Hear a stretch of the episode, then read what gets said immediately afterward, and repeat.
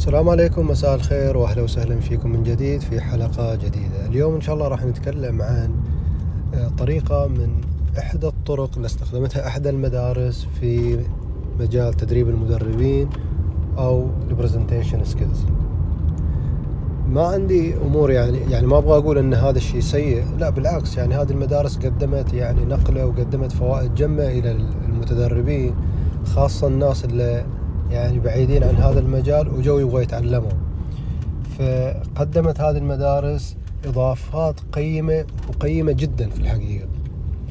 ولكن من باب تجربتي ومن باب خبرتي حبيت أنوه وأشير إلى نقطة في غاية الأهمية. ولكن قبل لا أشير إلى النقطة خليني آه، أعلق بس على الطريقة اللي استخدمتها أو استخدمها برنامج توت. آه، الطريقة أو الاستراتيجية اللي استخدمتها أو تدربها هذه المدرسة إن تمثل عملية التدريب كرحلة. ففي بعض التنبيهات حاولوا يختصروها حاولوا يختزلوها يختزلوها ويجمعوها في كلمة فلاينج كلمة فلاينج باللغة الإنجليزية تكون من عدة أحرف F L Y I N G.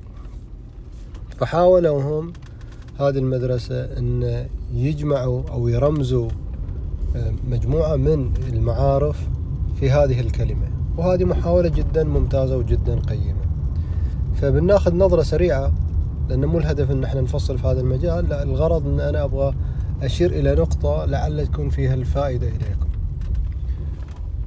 فحرف ال F يشير إلى كلمة ال first أو البداية أو الأولية.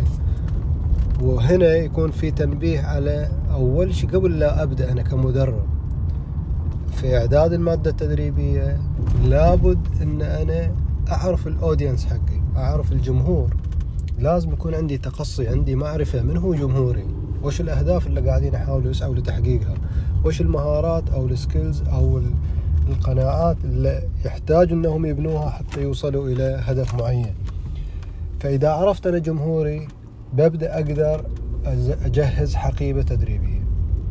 وهنا في إشارة أن الحقيقة الحقيبة التدريبية ما في حقيبة تدريبية واحدة تنفع كل ال audience لا. كل audience أو كل جمهور إليهم احتياجات قد تختلف من منطقة إلى منطقة من فئة عمرية إلى أخرى. في تفاصيل أنا الآن مو بصدد آه، الكلام عن كيفية معرفة الجمهور.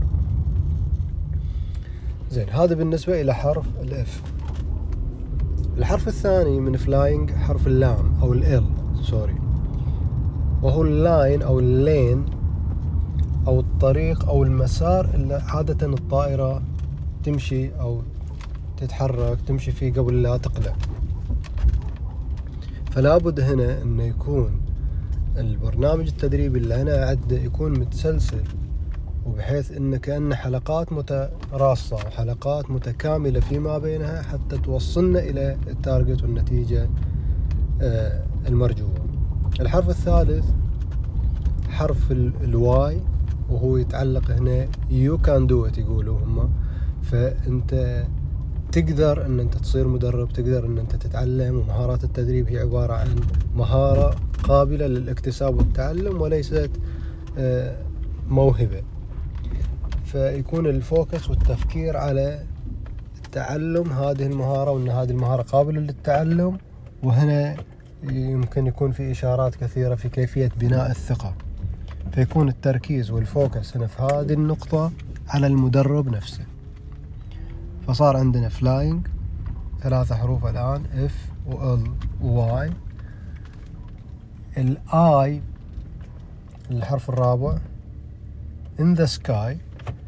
فإن the sky يعني خلاص الآن أنت في رحلة التدريب أنت في المحك أنت في قاعة التدريب الآن.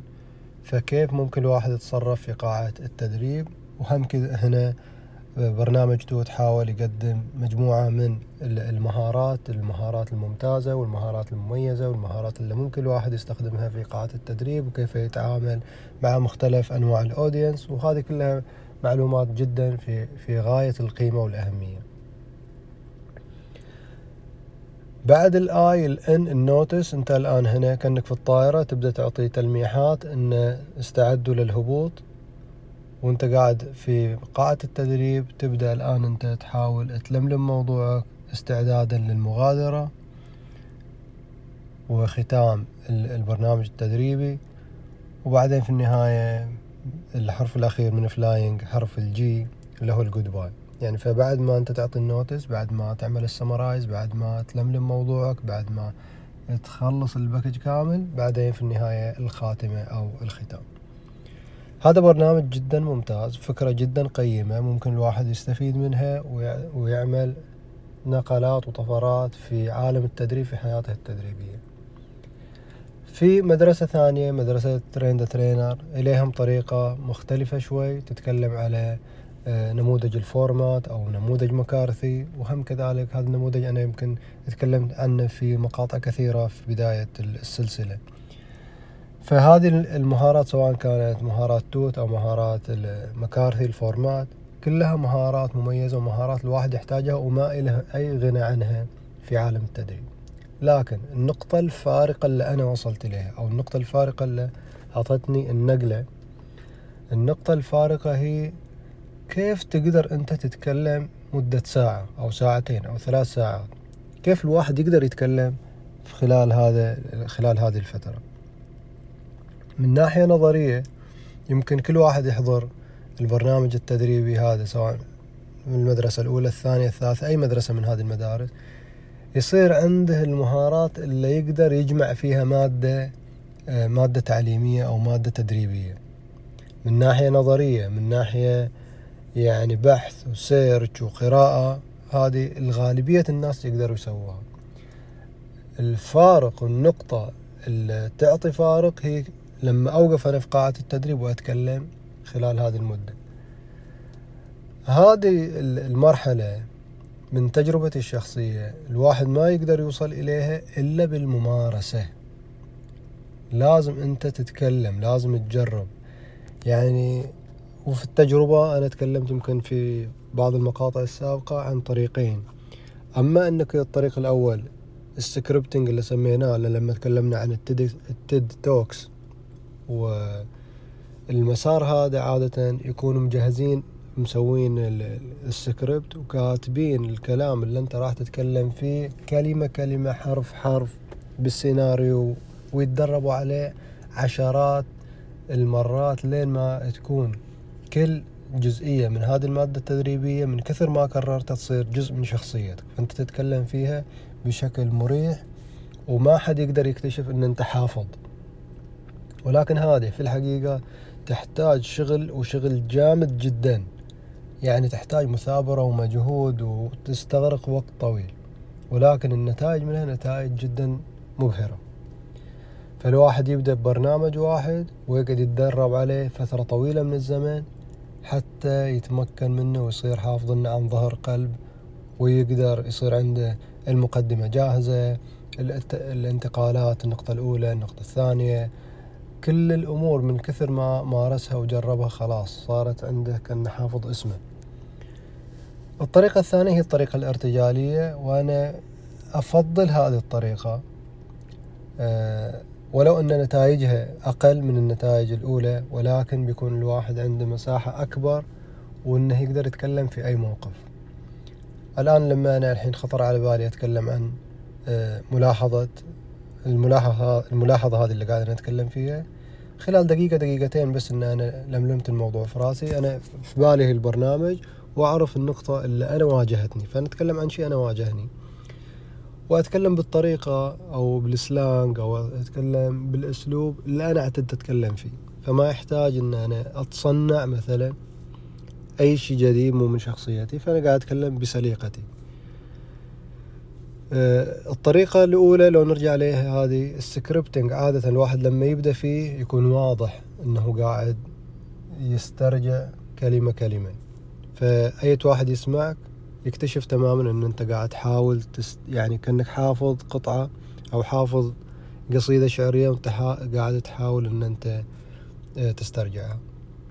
إذا كان هذا الشيء أو هذه الطريقة تناسب فأنا أقول مو خطأ ولكن أبغى أنبه أن أنت تحتاج تبذل مجهود أكبر وتمارس بشكل أوسع وعدد مرات أكثر حتى تتقن هذا الطريق. أما بالنسبة للطريق الثاني الطريق الارتجالي لا هذا يحتاج ممارسات ولكن ما في حدود ما في قيود.